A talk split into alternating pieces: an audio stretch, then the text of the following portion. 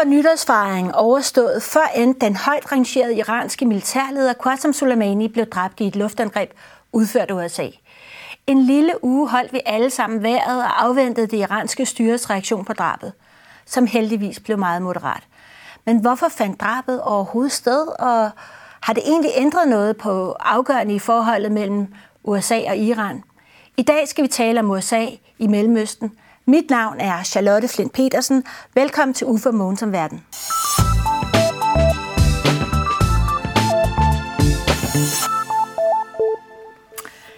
Velkommen Uffe, og velkommen Mogens. Øh, Mogens, øh, vi starter lige på hårdt. Hvorfor vælger USA at foretage en likvidering af en af Irans mest betydningsfulde ledere?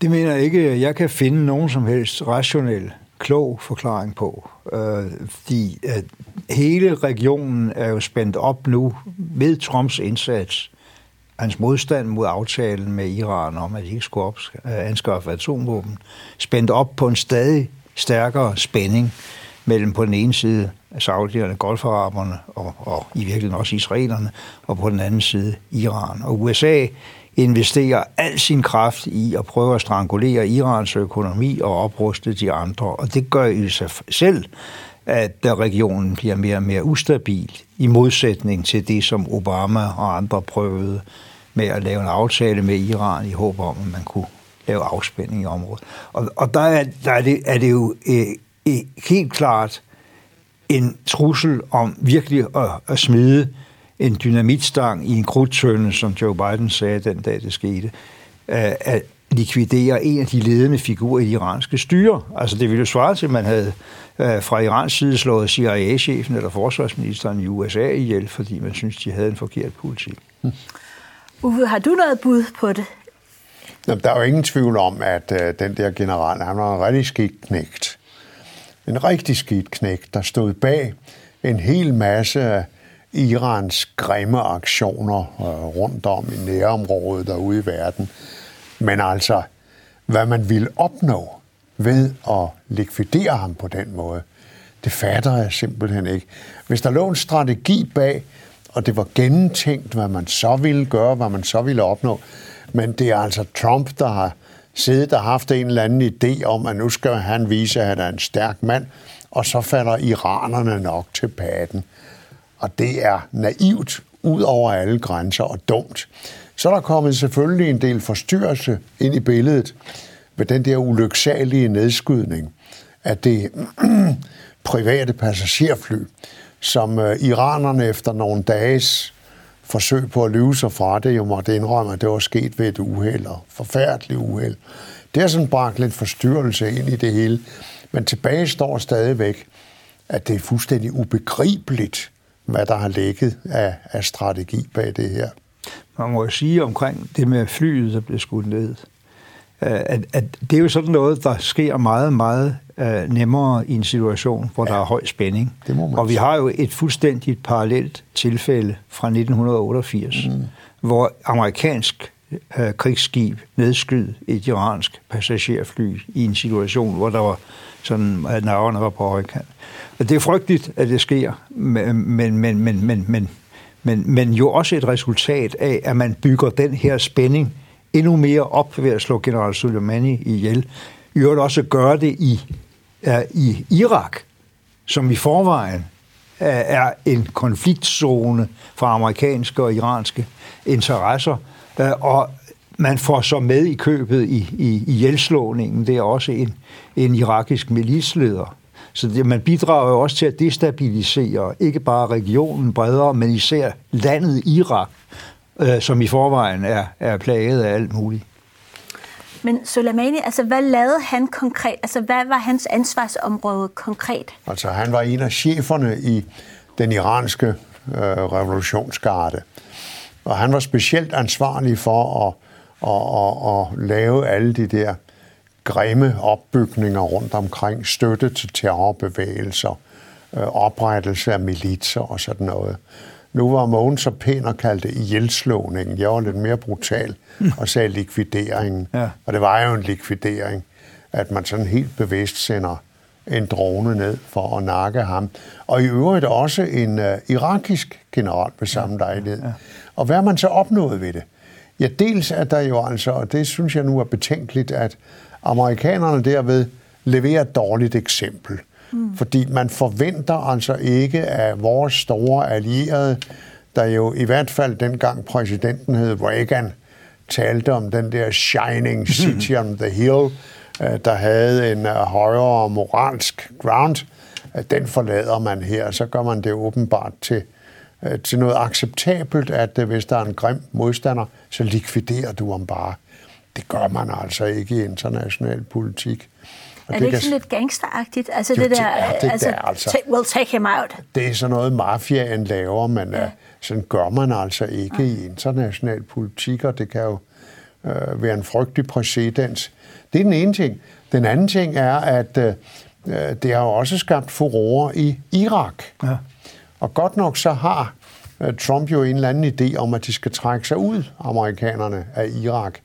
Og de trak sig jo ud øh, der fra det nordlige Irak og overlod deres venner kurderne til deres egen skæbne.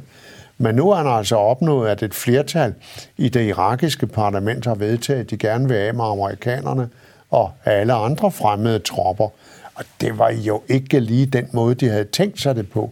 Så de har ikke opnået noget overhovedet. Men jeg synes, det er meget, meget, meget øh, tankevækkende, Uh, uh, uh, altså, jeg skal ikke sidde her og forsvare general Sul- afdøde general Soleimani, fordi det, det er klart, at en af hans uh, mest uh, fremherskende uh, indsatser har jo været at holde Assad i live mm. i Syrien, uh, fordi de mente, det var iranske statsinteresser, at han allierede der. Det har været en frygtelig historie. Men man skal bare være klar over, for det første, der er ikke kun enten skurke eller helte i den mellemøstlige region. Øh, de fleste af dem, der optræder, er en blanding af det. Og det er meget karakteristisk, at øh, forholdet til Soleimani har været meget forskelligt. Dengang han faktisk støttede amerikanerne mod Taliban i Afghanistan, dengang de militser, han kontrollerede i Irak, kæmpede om ikke samordnet, så i hvert fald sammen med amerikanerne imod ISIS, imod islamisk stat. Og det som, det, som Trump har gjort her, det kan også fremstilles øh, som, et først, så undsiger han støtten til at værne de syriske kurdere, som var den anden styrke på land, der kæmpede sammen med USA og deres allierede mod ISIS. Og lade dem i stikken over for et tyrkisk angreb. Og derefter slår han så lederen af de styrker, der i øvrigt også kæmpede sammen med dem øh, for få år siden, ihjel med en drone. Øh, det er ikke rationelt, det er ikke hensigtsmæssigt, og, og som vi nu begge to har været inde på, ikke alene og øger det risikoen for en direkte krig med Iran, men, men det destabiliserer Irak, som frem for alt har brug for stabilisering. Ja. Men hvad, hvad gør det egentlig ved USA's troværdighed i Mellemøsten? Altså, vi har, man undsiger atomaftalen, man, øh, man trækker sig ud i forhold til allierede øh, ja. mod ISIS, øh, og man i virkeligheden skyder en person ned, som man også har samarbejdet med. Ja, og, og som jo ikke bare var sådan en øh, terrorist og general og militsleder osv., men som også var højt placeret øh, som politisk leder i Iran. Og det er der, den er rigtig grim, for det er det, man ikke gør. Og du skal meget langt tilbage i historien for at se øh, øh, øh, paralleller øh, til det, der foregår her. Men øh, øh, hvad sker der så? Ja, så opstår der en del uro. Så må USA sende øh, tropper tilbage, og øh, de allierede, der var i Irak, må lynhurtigt, sådan som tingene udviklede sig, at trække tropper ud, enten helt hjem, som tyskerne gjorde, eller skynde sig at flytte dem til Kuwait, som Danmark og andre har gjort. Og, og, og det vil sige, at der opstår den der ballade omkring Irak, der virkelig har brug for stabilitet. Øh, og, og det giver Iran, øh, som jo har den fordel, at øh, øh Shia-befolkningen, som var undertrykt af Saddam Hussein, ja, det er et flertal. Mm. Og lige pludselig så får Iran en større indflydelse, end de havde haft. Så det virker altså tankeløst og tanketomt. Og skal vi tro de rapporter, der er kommet i amerikanske medier, så var situationen jo også den, at øh, Trump fik forelagt forskellige muligheder for, hvordan man kunne agere. Og en af de helt ekstreme, det var den der med at, at slå øh, generalen ihjel. Hvorefter Trump vælger den, og hans rådgivere, de er rejselslagende. Men de burde jo kende ham godt nok efterhånden til at vide, at de skal ikke præsentere ham for nogen tosseri som mulighed, for så griber han det, uden at tænke sig om. Det er jo også velkendt, at øh, den der overvejelse, om man skulle slå til mod ham, mm. har også de to foregående amerikanske præsidenter haft. Oh ja. Og den er blevet lagt til side, ja. netop af alle de grunde, vi har, har været igennem her nu. Men, men, men det er jo meget tankevækkende, når, når Uffe nævner det der med tropper øh, fra NATO-landene, der nu trækkes ud øh, af Irak. De var der jo for at bekæmpe ISIS. Mm. De var der for at bekæmpe islamisk stat. Øh, og, og det er vi jo alle sammen været enige om. Men hele den indsats er jo i fare for at, at, at gå i opløsning. Øh, og dermed altså øh, undergrave den relative øh, forbedring, der er sket i Irak i nyere tid. Og så er det jo også rigtigt, øh, at der faktisk var jo, der, det er jo en helt anden historie, som, som alligevel øh, fletter sig sammen med den her. Der er jo et vældig folkeligt røre i Irak nu, hvor de der religiøse grupper, der har kæmpet mod hinanden, folk fra alle grupper går nu sammen og siger, at vi vil have et ordentligt styre. Vi gider ikke slås efter de der linjer om, at vi får eller imod amerikanere, eller iranere, eller shia, eller sunnier.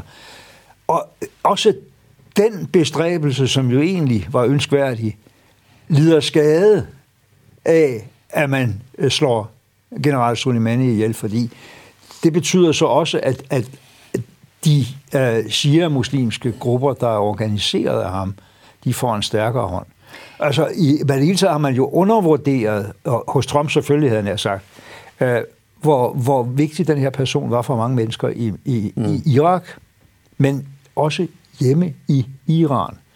Der har været lange, mange, mange flere millioner mennesker i det der kæmpe land, som har betragtet general Soleimani som en held, end der har været folk, der egentlig støttede det styre, de har. Ja. Og det kunne vi jo se ved begravelsen. Ja. Uh, uh, Christine Amanpour på, på CNN, som jo er iraner af afstamning, sad jo for åben skærm og undrede sig over, hvor mange millioner mennesker, ja. de må være kommet frivilligt, siger hun. Ja. Ikke? Øh, og, og det er fordi, man har fået øh, mobiliseret en iransk nationalisme bag det der i grunden død upopulære styre. Altså man har opnået igen det modsatte mm. af det, man måske gerne ville opnå. Og så, nu siger du troværdighed, amerikanernes troværdighed ja. i regionen. Ja. Den er meget lille for øjeblikket, hvilket man mærker mange andre steder også. Og så er der jo det, man be, begynder at stille spørgsmål, jamen, hvor interesseret er øh, amerikanerne efterhånden i Mellemøsten. Altså tag et af de steder, hvor der også virkelig er spænding op ved Hormuzstrædet, ja. hvor iranerne truer med at lukke og så videre, olietransporterne, og amerikanerne, ja, altså da der blev lavet attentater mod Saudi-Arabiens øh, olieindustri, og iranerne tydeligvis stod bag, der råbte de jo op i Washington, og så skete der ikke rigtig noget. Og det er jo derfor spørgsmålet i dag. Hvor interesseret er amerikanerne egentlig i alt det der? Øh, amerikanerne er lige blevet selvforsynende med energi. Mm. De er ikke afhængige længere af, øh, af den olie, der kommer ud gennem Hormuzstrædet, sådan som de var, da golfkrigene fandt sted. Øh, det er i dag øh, først og fremmest kineserne, der har den interesse. Mm-hmm. Og så er der jo nogen i USA, der siger, hvad der måske er forståeligt nok, så må kineserne sørge for sikkerheden der, og europæerne, det må de finde ud af. Hvorfor skal vi blive ved med at betale regningen, når vi i øvrigt har nogle andre steder, øh, vi kan bruge kræfterne?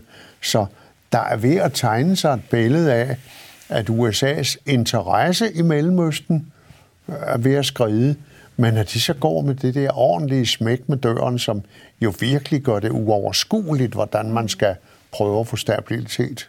Men jeg, tror, jeg, jeg tror, det er meget vigtigt, øh, også for seerne her, at forstå, at det, det store dyr i det her er jo den der stenhårde amerikanske økonomiske krig mod Iran. Mm. Efter at, at de har undsagt atomaftalen som den første nedrustningsaftale i nyere tid, så har de også lavet det, de kalder maximum pressure på Iran. Og det er, jo, det er jo, at man gør det, som man egentlig historisk kun har gjort mod Kuba. Det var slemt nok. Øh, man straffer andre landes virksomheder, mm. øh, hvis ja. de prøver at handle med et tredje land. det er en meget dramatisk, øh, skal vi sige, imperialistisk måde at opføre sig på øh, fra amerikansk side. Men det virker, for selvom europæerne har været uenige, selvom europæerne har prøvet at afhjælpe den blokade, så tør deres virksomheder jo ikke handle og investere i Iran. Og det vil sige, når iranerne øh, dels øh, siger, at vi er ikke sikre på, at vi gider overholde den her atomaftale, så det var jo en klar forudsætning for aftalen, at det så også gav en økonomisk åbning for Iran. Men det andet er jo, at når de så generer og har gjort det godt nok behersket omfang, skibsfarten i Golfen, så er det fordi, de kan jo ikke selv få lov at sælge noget olie. Altså deres del af olieregnskabet er, at de er blokeret fra samhandlen med omverdenen, øh, og, og har ikke rigtig nogen skibe, der skal ud af den der golf, mens øh, det så bidrager til, at oliepriserne kan komme lidt op. Det kan amerikanerne leve godt af, det kan saudierne leve godt af. Det er noget, det er noget frygteligt noget, det der. Men, men du, var, øh, du var formand for FN's generalforsamling, da, da aftalen blev vedtaget i sin... Hvordan var stemningen egentlig, atomaftalen? Ja, man skal jo huske hele tiden, atomaftalen var en aftale ikke kun mellem Amerika og Iran. Det var godt nok John Kerry og udenrigsminister Sharif fra Iran, der var hovedkræfterne i det. Øh, men det var Rusland, Kina, England, Frankrig, Tyskland, EU. Og aftalen blev enstemmigt godkendt i FN's Sikkerhedsråd. Og der var, da jeg var derovre i den periode, øh, hvor det her skete i Sikkerhedsrådet, der var der også generalforsamling en meget euforisk stemning. Der var israelere, der var saudier og sådan nogen, der var, der var kritiske. Men stort set resten af verden var enige i, at det her var et virkelig afgørende bidrag til afspænding i Mellemøsten. Og, og, og det er lige præcis alt det, der er blevet revet i stykker. Men kan man ikke sige, at Trump har lidt ret, at aftalen er en bad deal? Altså, mm.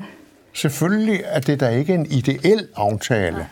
fordi øh, øh, du afskaffede jo ikke det øh, iranske øh, atomprogram. Du udskød det. Du stoppede den umiddelbare proces, hvor de var tæt på at have et atomvåben. Så det blev udskudt. Og du kan sagtens sige, at ja, men det var en dårlig aftale. Det var det bedste, man kunne få i situationen. Mm. Og som Måns siger, det var, der var begejstring over, at man overhovedet kunne lave en aftale, hvor iranerne gik med. Og, og det med, at øh, USA så bare øh, hælder den ned af brættet, fordi Trump synes, det var en bad deal, og så kan han sikkert lave en bedre. Øh, det var ikke godt. Det var uha. Og med alt det, der så siden sker, hvor mulighederne for at, at holde fast i dele af aftalen, som europæerne jo kæmper for, mm øh, mens kineserne læner sig tilbage og ser, hvad pokker der sker, ikke? Og russerne. Jamen, altså, det er, det er slemt, fordi øh, ja, det påstås jo nogle steder, at selvom iranerne har sagt, at nu okay, så begynder de atomprogrammet igen, så er de ikke rigtig begyndt på den der meget voldsomme øh, berigelse af uran, som jo er øh, det springende og farlige punkt. Øh, så den ligger ikke helt i ruiner, men øh, der er altså ikke langt til. Og hvad vil konsekvenserne være, hvis nu, at øh, Iran øh, nu siger, at nu, nu er det slut, vi stoler ikke på, på Vesten længere, især ikke USA, øh, vi begynder at, at Altså, var det, at man ni måneder fra at producere en, en atombombe. Hvad betyder det overhovedet, at de får den mulighed? Jo, men jeg tror, jeg tror faktisk, at selv øh, den hårde kerne i Iran Øh, er klar over, hvor aggressive modspillere de har i uh, Trump, i Israel og også i Saudi-Arabien. Mm. Uh, og derfor tror jeg i virkeligheden ikke, det kommer til at ske, selv under de værst tænkelige omstændigheder. De ved jo, at det, det, det ligger så tæt på folk øh, som Trump og Netanyahu, simpelthen at bombe de der atomanlæg, at starte en krig på den måde. Så jeg tror ikke, det kommer til at ske. Men, men det, som de bidrager til, det er jo helt entydigt i et iransk styre, hvor der stort set er alle synspunkter på, hvordan man skal forholde sig til Vesten og styrke de forkerte kræfter. Altså øh, øh, hardlinerne, som ikke vil have nogen åbning, siger, at det hjælper jo ikke noget. Nu har vi givet indrømmelser, vi er bare blevet stranguleret økonomisk. Øh, så, øh, men, men jeg tror ikke, de tør øh, udvikle en atombombe. Jeg tror ikke, de får lov til det, hvis det endelig var. Så vil der komme en eller anden form for angreb mod ja. deres installationer.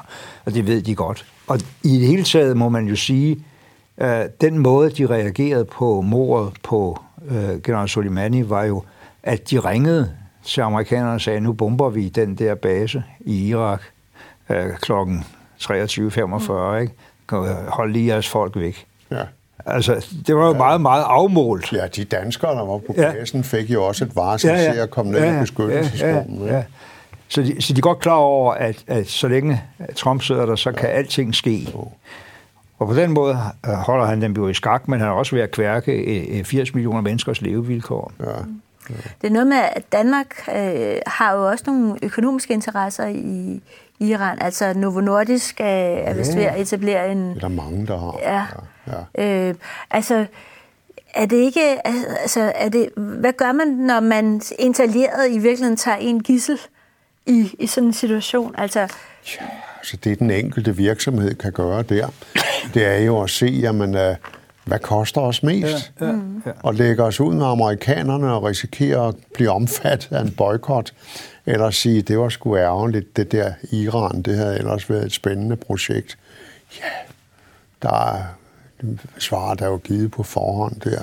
Det er jo ikke særlig morsomt for heller internationalt økonomisk samarbejde. Øh, det er det jo ikke. Men øh, der kan jo også ske det med det her med, at hvis iranerne sådan langsomt starter igen atomprogrammet. Men jeg er enig med Mogens. Jeg tror ikke, at vi sådan lige når dertil, at de siger, så nu laver vi en prøvesprængning. Nej. Men så er der jo andre, der vil starte. Det vil Saudi-Arabien, det vil Tyrkiet, øh, det vil Ægypten måske. Og så har vi den spredning af atomvåben, øh, som man jo med et vist held øh, hidtil har undgået. Og det er så i et mellemøsten, øh, der i stigende grad er præget af ustabilitet, og hvor problemerne jo i dag er rykket hen til steder, som man ellers troede var blevet overbevist om, de skulle overføre, opføre sig ordentligt til Libyen for eksempel, som jo er det helt store, ubekendte problemområde for øjeblikket. Men, men altså, man skulle tro, at Israel og Saudi-Arabien var dødbegejstret over, at, øh, at Soleimani blev skudt. Det synes jeg ikke, man har hørt fra deres side. Nej, altså, jeg, jeg, jeg tror, at det passer fint ind i Netanyahu's valgkamp, ligesom hans tredje valgkamp inden for et par år, ja. er ligesom hans besøg hos Trump nu, hvor de til synligheden vil undergrave alle kendte forudsætninger for en fred med palæstinenserne i fællesskab. Det tror jeg sådan set øh, passer fint der i, i, i, i den psykologiske krigsførelse. Men det er meget interessant detalje, hvis det er sandt. Øh, det blev sagt, det er ikke rigtigt. Der er heller ikke noget som helst udsagn fra amerikanerne, der har underbygget, at general Soleimani skulle være på vej til at arrangere nye angreb på amerikanske ambassader. Det er vrøvl. Det er Trump-vrøvl. Øh, men der er stærke forlydende om, at det han i virkeligheden var på vej til, det var et, et møde med saudierne for at neddrosle spændingen mellem Iran og Saudi-Arabien. Fordi uh, Saudi-Arabien fik jo et chok, da de der uh, raketter ramte deres olieanlæg. Ja. Det viser, hvor sårbare de var over for asymmetrisk krigførelse. Det kan godt være, at de har for 110 milliarder dollars amerikanske moderne våben og er stærkere end Iran. Men uh, nogle partisaner over i, i Yemen ja. kan sætte deres olieindustri... Ja, ja nogle små hurtigbåde. Ja, ja, ja. Missiler ombord. Ja. ja. Men er det ikke også fordi, at, øh, at det her med USA er ved at trække sig fra Mellemøsten? Altså, så må man ligesom finde ja. ud af at lave ind, øh, altså, regionale aftaler? Jo, jo, og så kigger USA's allierede sig jo rundt og siger, hallo, hvis de forsvinder, hvad skal vi så? Ja, ja, ja. Altså NATO-partnerne må jo spørge sig selv, øh, hvis de forsvinder, tør vi så blive her? Har vi så overhovedet noget at lave her? Ja. Og, og de lande i regionen, som har stolet på, på USA's engagement, de vil jo også sige, at nu må vi altså til at snakke med nogle andre. Og det er klart, øh, til syvende og sidst giver det jo et særligt problem for Israel, der jo altså øh, er på vej nu ind i sin tredje valgkamp, og hvor øh, her dagen efter vi sidder og har den samtale her, ja, der kommer jo efter sigende det nye amerikanske mellemøstudspil. Øh, det vil komme i morgen i forhold til vores optagelse. Og hvad han, øh, svigersøn Kushner, kommer med, det aner vi jo ikke, men det han har sådan lindet på låget for hidtil, det er jo ikke imponerende. Nej, og man kan sige, at det virker til, at Israel agerer fuldstændig straffrit inden for det palæstinensiske område de her dage. Ja. Altså, at de øh, i virkeligheden med Trump i ryggen, øh, i virkeligheden ikke skaber nogen, noget fundament for en egentlig fred.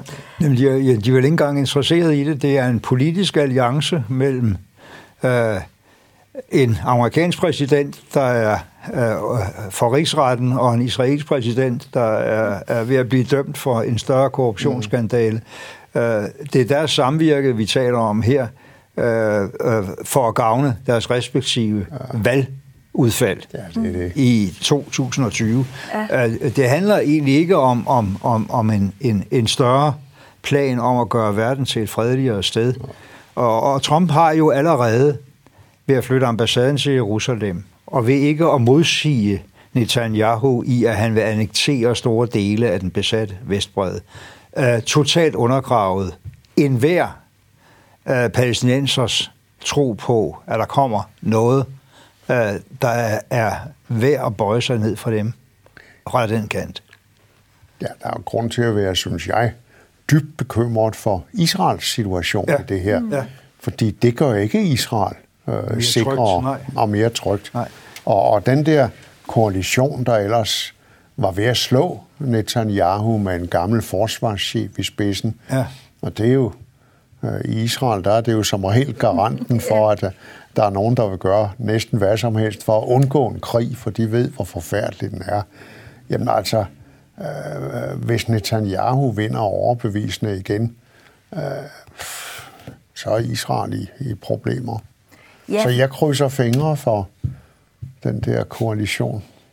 Ja, fordi øh, altså, det er meget svært at forestille sig, hvad sådan en, en fredsplan, som, øh, som, som USA til at komme med i morgen egentlig vil indeholde? Ja, altså, hvad igen, er det? Det er jo ligesom med atomaftalen med Iran. Hele verden har defineret, hvad var de nødvendige forudsætninger ja. for afspænding. Ja. Hele verden har i forhold til Israel-Palæstina defineret. Mm. Ja, der skal være en to-statsløsning. Øh, det, det er den mindst strenge løsning. Øh, Jerusalem skal være delt hovedstad den israelske besættelse skal afvikles. Der skal en eller anden form for løsning, erstatning til flygtningeproblemet. Altså, vi kender alle de der parametre, de er blevet skrevet ned i vedtagelser i FN, i vedtagelser i EU. Øh, den israelske fredsfløj har, har skrevet dem ned i det, der hedder Genève-initiativet. Og der er intet af det, der imødekommes ved det, som Trump og Jared Kushner kommer med nu. Det er ren ensidig støtte ikke til Israel, for jeg er enig med i, ja. det undergraver faktisk Israel. Det undergraver Israel. Men til den israelske højrefløj, repræsenteret ved Netanyahu. Mm. Vi taler om øh, USA i Mellemøsten, og, øh, øh, og det er Uffe Måns om verden. Mm. Øh, jeg vil egentlig høre, altså, hvis man kigger tilbage på de sidste øh, 20 år i hvert fald, med USA's indsats. Har de opnået noget? Altså er, er USA, har man, skal USA blive, hvis ifølge jer, eller er det her det...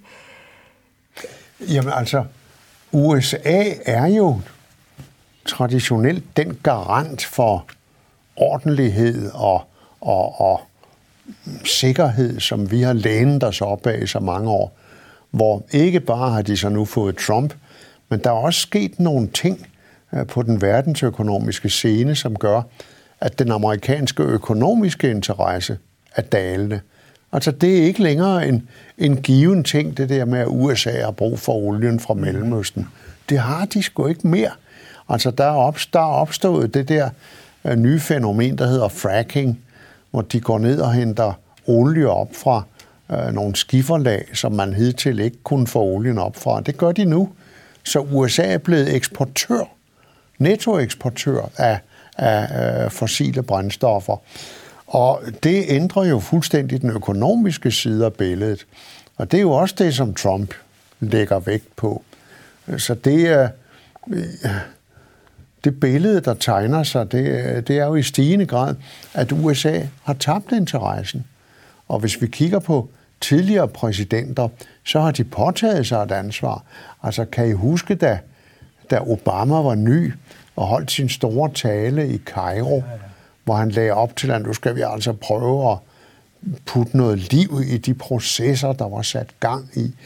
Der havde verden jo store forhåbninger, men øh, det kørte jo fast i sandet.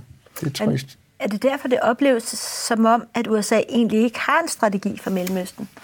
Altså, jeg, jeg tror, man skal passe frygteligt på, som også nogle danske kommentatorer falder i, og tro, at der er nogen form for rationel strategi bag mm. Donald Trump. Hans viden, hans indsigt øh, er så begrænset omkring alt det her. Øh, og det vil sige, alle de balancer, som alle hans forgængere trods alt har prøvet at skabe, øh, det er man ligeglad med. Øh, så altså, verden er jo meget, meget afhængig. Det ved vi alle sammen. Det tænker vi over hele tiden. Udfaldet af det amerikanske præsidentvalg om ganske få måneder, ikke? om 10 måneder. Øh, og det bliver, det bliver en helt afgørende måned, den der november 2020. Både fordi der er amerikansk præsidentvalg er der, fordi det er der, USA definitivt træder ud af, af, af, af klimaaftalen, øh, og, og, det, og der skal være et nyt klimatopmøde i Glasgow, og det vil sige, at den anden sag, som står øverst i hovedet på, på mange øh, øh, som forudsætning for en mere fredelig øh, og holdbar verden, den er også i fare for helt at kendre. Så øh, alt det her, øh, vi har talt om nu, man kan jo ikke beskrive det som en ensydigt en amerikansk politik, der har ændret sig. Klart, der er nogle interesser, der forskyder sig. Men det er også helt afgørende, hvem, hvem er personen efter november 2020?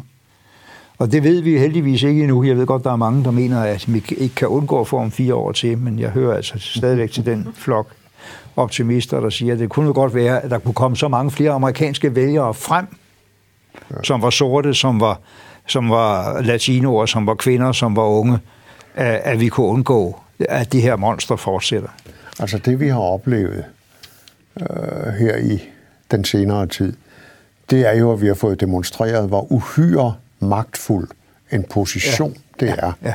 At sidde i det, det hvide hus. Og det er jo også i stigende grad blevet klart, at uh, Trump er, når det gælder historie og geografi og den slags, han er stort set uvidende. Og hvad endnu værre er, at han er fuldstændig ligeglad. Det interesserer ham ikke. Og de folk, han har haft, som har forsøgt at bibringe ham viden, ja, de er jo blevet sparket ud, for han gider ikke høre på dem.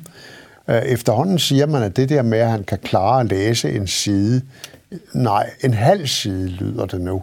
Og det er efterhånden ikke engang sikkert, at han gider det, fordi han ved det hele selv. Han har jo set Fox News om morgenen, når han er vågnet, ikke? Mm. og så ved han alt om verden. Og han har den der idé om, at jamen, han ved det hele selv. Så ud røg jo det der gode sikkerhedsrådgiver, McMaster røg ud.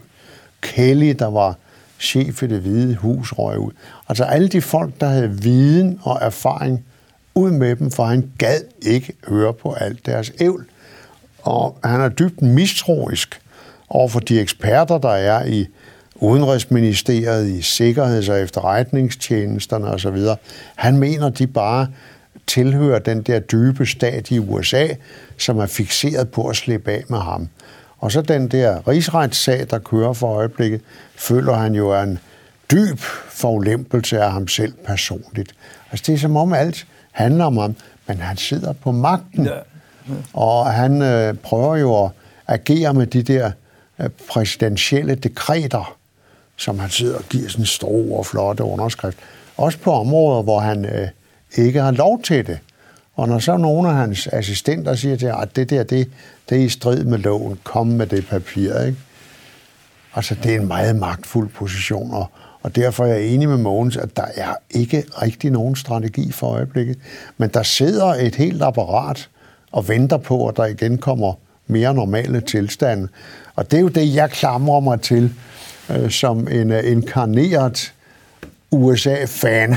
det er, at der igen opstår en situation, hvor øh, den dybe stat i Amerika, det andet USA, hvor de kan komme til at øve indflydelse ja. på tingene, og hvor det ikke længere er sådan en meget udemokratisk proces, vi oplever, som den vi ser lige nu. Hvis, vi, tager, hvis vi tager det med Iran og forståelsen af historien, ikke? det eneste Trump til synligheden har opfanget om Iran-USA-relationerne, det er kidnapningen af 52 mm. diplomater, som jo også var en forfærdelig skandale og, og fuldstændig uacceptabel og alt det der. 1979 til 81. Øh, men det han ikke har forstået, og jeg tror ikke engang gider høre om det, det er, at de iransk-amerikanske forhold er jo præget af, at det var CIA, det var USA's efterretningstjeneste, der fik væltet en demokratisk regering i 1953 i Mossadegh, ja. øh, og støttede Shahen og hans hemmelige politi. Øh, det var også USA, der så som reaktion på den der kidnapning øh, støttede deres daværende ven Saddam Hussein i en angrebskrig, han startede mod Iran, som kostede Iran 100.000 vis af menneskeliv øh, øh fra 1980 til 1988. Så altså, det der, den der øh, dybe modsætning øh, har jo på den iranske side nogle helt andre rødder, end Trump nogensinde har forstået. Ikke? Og, og, og, og det var alt det, Obama prøvede ligesom at gøre op med ved at række en hånd ud og sige, skulle vi ikke tage og snakke sammen? Og det er alt det, der er gået i stykker nu. Men hvem skal så træde i stedet for USA i Mellemøsten? Altså hvem... hvem øh... Altså det ideelle... Er det NATO, som Trump altså, selv foreslår? Når jeg nu Trump ja. at sige, nu må vi ja. lave et ja. NATO-ME. Ja. Det er et navn, jeg har opfundet. I'm good with names. Og den der idé om, at NATO skulle udvides med mellemøstlige lande. Ja, der har jo tidligere været tale om, at det eneste rigtige demokrati i området, nemlig Israel, burde optages. Det er der så mange gode grunde til, at det bør Israel nok ikke. Men hans anden idé, nej nej, det er en dødssejler. Vi har jo et land, der ligger i regionen, som er medlem af NATO og som er største militære magt efter USA, nemlig Tyrkiet. Og dem har vi jo mildt sagt vores problemer med for øjeblikket, så nej, det er nok ikke NATO. EU, hvor vi jo i disse dage vinker farvel formelt til britterne. EU øh, har jo ikke rigtig de muskler, der skal til, end sige den fælles politik, der skal til. Mm-hmm. Øh, og det ser vi jo demonstreret til fulde i, i uh, uh, Libyen, mm. hvor jo uh, flere EU-lande uh, støtter forskellige sider i den konflikt, der er der. Frankrig og Tyskland står på hver sin side. Så EU er ikke rigtig i stand til det, blandt andet fordi EU ikke indbyrdes kan blive enige om det. Hvem er der så at rykke ind? Ja, det ser vi jo ske hister her. Der er russerne, der gerne påtager sig det der, og som meget gerne bomber hospitaler, børnehjem osv. for at hjælpe deres venner i Syrien. Øh, der er tyrkerne, der er rykket ind også. Og russerne og tyrkerne har jo skabt en uheldig alliance flere steder, selvom de også er et sted, som Libyen står på forskellige side. Og så er der kineserne, øh, der jo er forsigtige, men øh, som efterhånden jo har styrken til for eksempel at gå ind i Hormuzstrædet. Og de har den største interesse i at holde Hormuzstrædet åbent. Og samtidig er de jo på god talefod, sådan da, med Iran, for de støtter jo stadig Iran-aftalen. Så der er ved at ske nogle ting, hvor sådan, de globale balancer skifter fuldstændig. Og dem, der rykker ind, det er ikke os meget flinke og søde og idealistiske europæere. Nej, det er nogen grimme drenge fra forskellige andre hjørner. Det er det, der er ved at ske, er jeg bange for. Men kineserne har jo den der lidt tilbagelænede holdning. De siger, de, de kan simpelthen ikke forstå, at amerikanerne råder sig ind i så mange problemer. Nej. Altså, øh, men, men, men okay, hvis, hvis der er noget, de kan gøre for ligesom at få større indflydelse, så gør de det jo ikke militært øh, på den måde, men, men, men, men, men deres indflydelse vokser ja. stille og roligt i takt med fejltagelserne i amerikansk Men de kan gøre det militært, hvis det er nødvendigt. Det kunne de måske godt, ja. Og sende øh, flådeenheder og andet til at sådan vise, vise, at der er ikke nogen, der skal komme og opføre sig dårligt. Så det kan der ikke afvise sig om et par år. Så ser vi kinesiske flådestyrker i, øh, i Hormuzstrædet. Men, men Mellemøsten tilhører jo også vores nærområde. Altså ja, lige så vel ja. som Rusland og naboskabslande, så er, er Mellemøsten jo... Så, så vi må have en meget stærk sikkerhedsinteresse i, at det mm. er stille og roligt og fredeligt og, og altså velfungerende lande. Det var jo også derfor, at EU, de store EU-lande og Mogherini som daværende EU-udenrigstalsmand lagde så stor energi i at få Iran-aftalen på plads. Ikke? Fordi det var, det var noget, Europa trods alt kunne blive enige om og bidrage til øh, af stabilitet i vores nærområde. Det er jo selvfølgelig også derfor, at vi alle sammen, øh, uanset alt det, der har vist sig at være øh,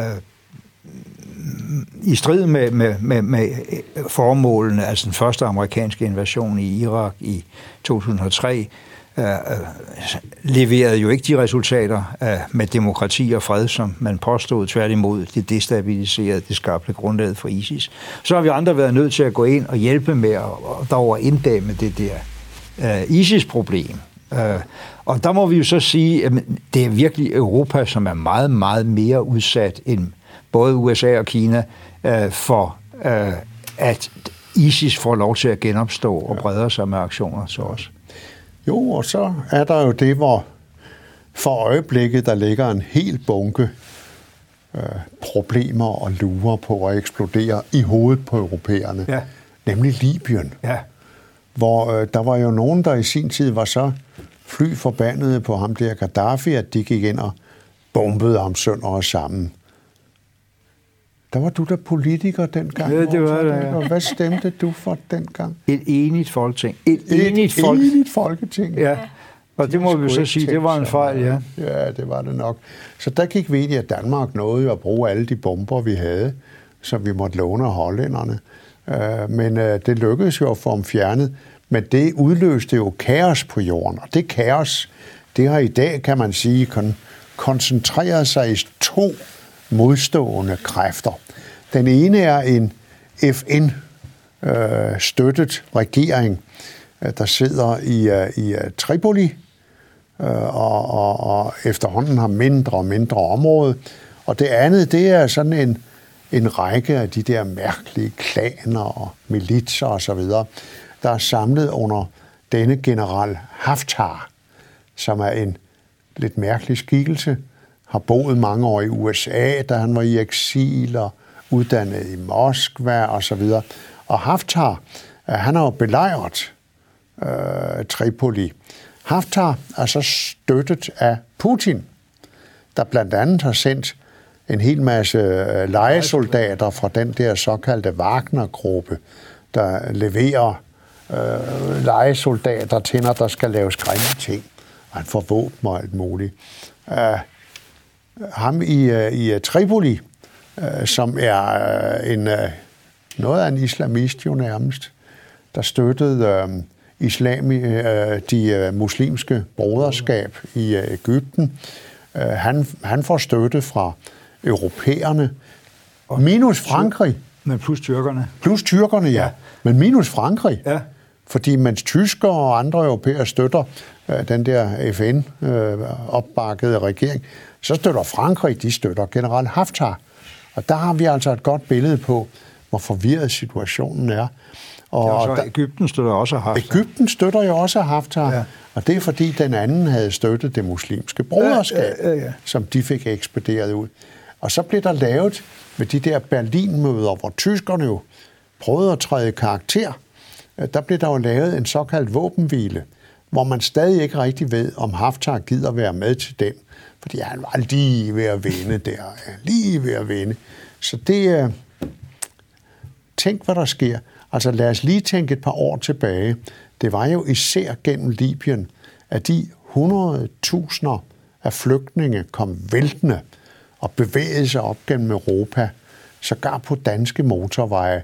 Øh, og en gentagelse af det er jo et mareridt for alle europæiske regeringer. Øh, og det er altså en del af den trussel, der ligger og lurer, fordi man ikke rigtig har fået styr på, hvad pokker sker der i Libyen. Men det er jo også et kæmpe land, Libyen. Altså, ja. det er jo et enormt land, som, som i virkeligheden også er en meget stærk del af Afrika. Jo. Øh... Jo, og det strækker sig ned i nogle af de der øh, Øh, Sahel-lande, hvor, ja. hvor der også for øjeblikket jo kæmpe problemer, altså Mali og de steder, gud fri mig vel, hvor jo forskellige afarter af islamisk stat er dukket op, de har også et par holdepunkter i, i Libyen. Så øh, der sker grimme ting for øjeblikket der, og, og øh, når man er så uenig om bare, hvilken side man skal støtte. Mm. Og vil man bakke den FN-støttede regering op, hvor man en gang imellem spørger sig selv, om det nu også var den rigtige løsning, man fandt. Jamen okay, det er den FN-støttede regering, og det støtter vi selvfølgelig. Men halvhjertet måske, jamen øh, så har det jo lange udsigter. Og så kan der igen risikere at ske det her, at så kommer der væltende øh, det her store antal ulykkelige mennesker, der er fanget i den situation, sidder i forfærdelige flygtninge- og fangelejre rundt omkring i Libyen og tilgrænsende lande. Det er Ja, Libyen er jo så ikke engang det eneste sted, hvor den trussel uh, om, om nye flygtningestrømme er akut. Det er jo også uh, Syrien-konflikten. Efter amerikanerne svigtede de ja. kurdiske syre, og kom der en masse flygtninge. Uh, den konflikt, der stadigvæk kører op i hjørnet med, med Tyrkiet ja, i, i, i provinsen. Ja. Der er flere hundrede tusind mennesker, der er blevet nye flygtninge i det område. Og hvis Erdogan løfter det mindste på låget ja. her, øh, fordi han ikke øh, han har godt nok selv årsag til meget af det, men, men, men hvis han ikke gider håndtere flere flygtninge, ja. øh, så får vi også strømmen derfra. Så man kan også sige, at det her det er et eksempel på sådan nogle proxykrige, der finder sted der, hvor der ikke... Du skal forklare, hvad proxykrig er. Altså stedfortræderkrig. Ja, stedfortræderkrig. Øh, altså i Syrien, i, øh, i Libyen. Ja. Ja. Øh, og der er ikke nogen... Altså hverken FN eller noget kan ligesom sige, okay, hvordan håndterer ja. vi dem? Nej, altså, erfaringen har jo været både fra Syrien og Libyen, at uh, dem, vi ikke så godt kunne lide, det er dem, der får våben fra, fra nogle andre. Ja. Dem, vi godt kan lide, de ender med at stå våbenløse. Ja. Det var, de få demokrater, der var i Syrien, uh, ja. led den skæbne, ja. uh, og dem, der er i Libyen, i den der FN-anerkendte regering, ser ud, som om de også kommer til at lide ja. den skæbne. Men det, det er stadigvæk øh, altså Europas sikkerhed, som er på spil i det her. det er det der. Ja. Kig på et kort eksempel ja. og se, hvor tæt Libyen er. Italienerne, de er jo rejselslagende ved tanken om, at der igen skal komme gummibåde ind til Lampedusa i langt større tal, end det sker i dag. Sicilien og så videre. Og det bør alle vi andre også være, fordi uh, vi lærte det jo dengang, uh, hvor hurtigt sådan noget kan brede sig ud over Europa og så er det pludselig vores allesammens problem. Og det er som om, da det så blev håndteret, og øh, strømmen blev stoppet, så trak, drog man lettelsens suk, øh, og, og, og det er der absolut ikke grund til at gøre, fordi det der kan eksplodere lige op i hovedet på os igen.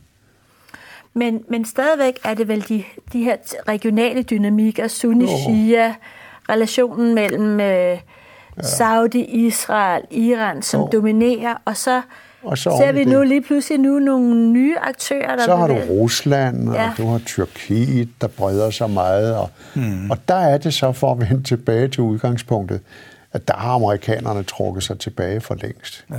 Og hvad, ja. hvad skal vi så gøre ved det? Hvordan følger vi op på, på skal vi sige, konflikten mellem USA og Iran?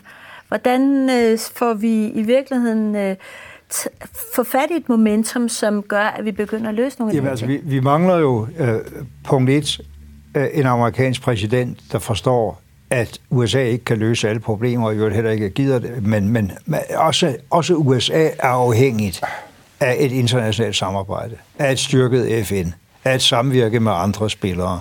Og her har man jo handlet på det sidste fuldstændig uden bare at ringe op og sige, nu svigter vi de kurdiske ja. syre, eller nu skyder vi øh, general Soleimani ned ja. øh, uden for Bagdads lufthavn. Ingen har været orienteret. Intet af det der samarbejde, som, som, som var den første nødvendige forudsætning for at stabilisere de der lande, hvor alle de forkerte kræfter har blandet sig alt for meget. Europa svagt og splittet. Vi har ikke fået taget den der med, at, at, at det jo også er et problem, at uh, Boris Johnson nu er så afhængig af amerikanerne med en handelsaftale, efter han vil ud af EU, så han mm. uh, uh, vil være endnu mindre tilbøjelig til at koordinere med resten af Europa ja. i sådan nogle helt afgørende sikkerhedspolitiske uh, sager som Mellemøsten. Og det man jo stadigvæk ikke har fået sat på benene i Europa, det er hele den der forøgede uh, militære samarbejde om at beskytte de fælles ydre grænser. Ja. Altså alle de der fine planer om, at Frontex og sådan noget, der skulle tilføjes ja. 10.000 nye osv. Ja, det, det er man jo ikke rigtig kommet videre med. Det er blevet ved snakken. Ja. Og nogen, som for eksempel Danmark, holder sig helt udenfor, fordi vi har vores gennemført tåbelige forsvarsforbehold der. Men det er jo ikke blevet til noget. Nej. Og hvis lige pludselig det her sker igen, og man skal til at genopfinde hjulet, øh, så kan det pludselig være for sent. Så det, man skal gøre, det er selvfølgelig, at Europa skal prøve at etablere et stærkere samarbejde på de områder, hvor man beskytter fælles ydre grænser, og hvor man prøver at sætte sig i stand til at være en, en respekteret og troværdig partner i de forhandlinger, der sker. Og der er det rigtigt, som Mogens siger, der har vi altså desværre et Storbritannien, der nu forlader det hele, men som vi sgu ikke kan undvære. Nej. Lige så lidt, som vi kan undvære amerikanerne i NATO. Så der er jo situationer, hvor man så må gribe til det gamle råd om slæsk tale og billig portvin for at holde fast på men har, har Trump i virkeligheden ikke udstillet europæisk magtesløshed ved det attentat der? Altså, han fortæller jo ikke engang signaleret, hvad han er gang i. Jamen, det har han gjort. Men ja, han har ikke bare udstillet europæisk magtesløshed. Han har også aktivt ja. bidraget til europæisk splittelse. Ja, det er altså hans støtte til Brexit-manøvren og ja. opmundring af dem, og, men, men i det hele taget også hans forhold til øh, de der hal, øh, halvautokratiske styre, vi nu har i Polen og Ungarn, som nogen han, mm. han roser og støtter øh, imod øh, flertallet i EU. Så han bidrager direkte til, at Europa bliver svækket. Jamen, Trump opfatter jo EU som en fjende. Ja. Og han siger jo åbent, at jamen, det der EU, det var jo lavet for at tage fusen på amerikanerne og undergrave amerikanerne, ja. hvilket igen illustrerer hans historieløshed. Det var amerikanerne, der i sin tid forlangte af europæerne, at de startede den der øh, europæiske integration, som det var en forudsætning for, at man kunne få Marshallhjælp. Det ved han ikke. Han ved sikkert heller ikke, hvad Marshallhjælp er for noget. Uh, hvorfor ikke? Hallo, skal vi ikke have de penge tilbage? Har vi givet penge til det der? Dem skal vi da have igen. Hallo, send lige en regning til de der europæere. Ja. Nej, jeg er blevet for gammel til det. så, der, så der er ikke et håb om en, en fredskonference eller et eller andet, som, som, huh. som altså, kunne være på skal man sige, øh, minus USA i hvert fald? Eller... Jeg tror, alle holder vejret nu og ser, hvad, hvad sker der i USA i november. Ja. Og før den, før den tid øh, ja. kan man ikke rigtig se Tyskerne tog jo et initiativ her omkring Libyen. Ja, det gør det. Og det var jo fint, og det var ja. sådan måske et af Merkels sidste øh, udspil. Men tyskerne tog et initiativ, og de var selv vældig glade for det, og mange i Tyskland var glade for, at endelig begyndte Tyskland at bevæge sig lidt ud af den der selvpålagte tilbageholdenhed, som tyskerne jo må se at forlade, fordi øh, vi har brug for Tyskland, og Tyskland er jo øh, det land, der skal vise lederskab. Især når, når, når pludselig franskmændene optræder på den anden side af alle andre, som, som, som de gør i Libyen. Altså, øh, der var lidt håb der, men... Øh, nej, det er faktisk ikke særlig morsomt at sidde og kigge på. For det, det er det ikke. Det er det ikke. Nej. Så, så vi kan slutte af med at sige, at øh, vi afventer situationen, afventer måske et... Øh, altså, iranerne, har de reageret færdigt? Øh, øh, eller... Øh... De har reageret tilbageholdende og meget mere tilbageholdende, end man kunne have ventet. For der sidder jo kloge mennesker der, der godt ved, at man ikke skal overspille sin hånd.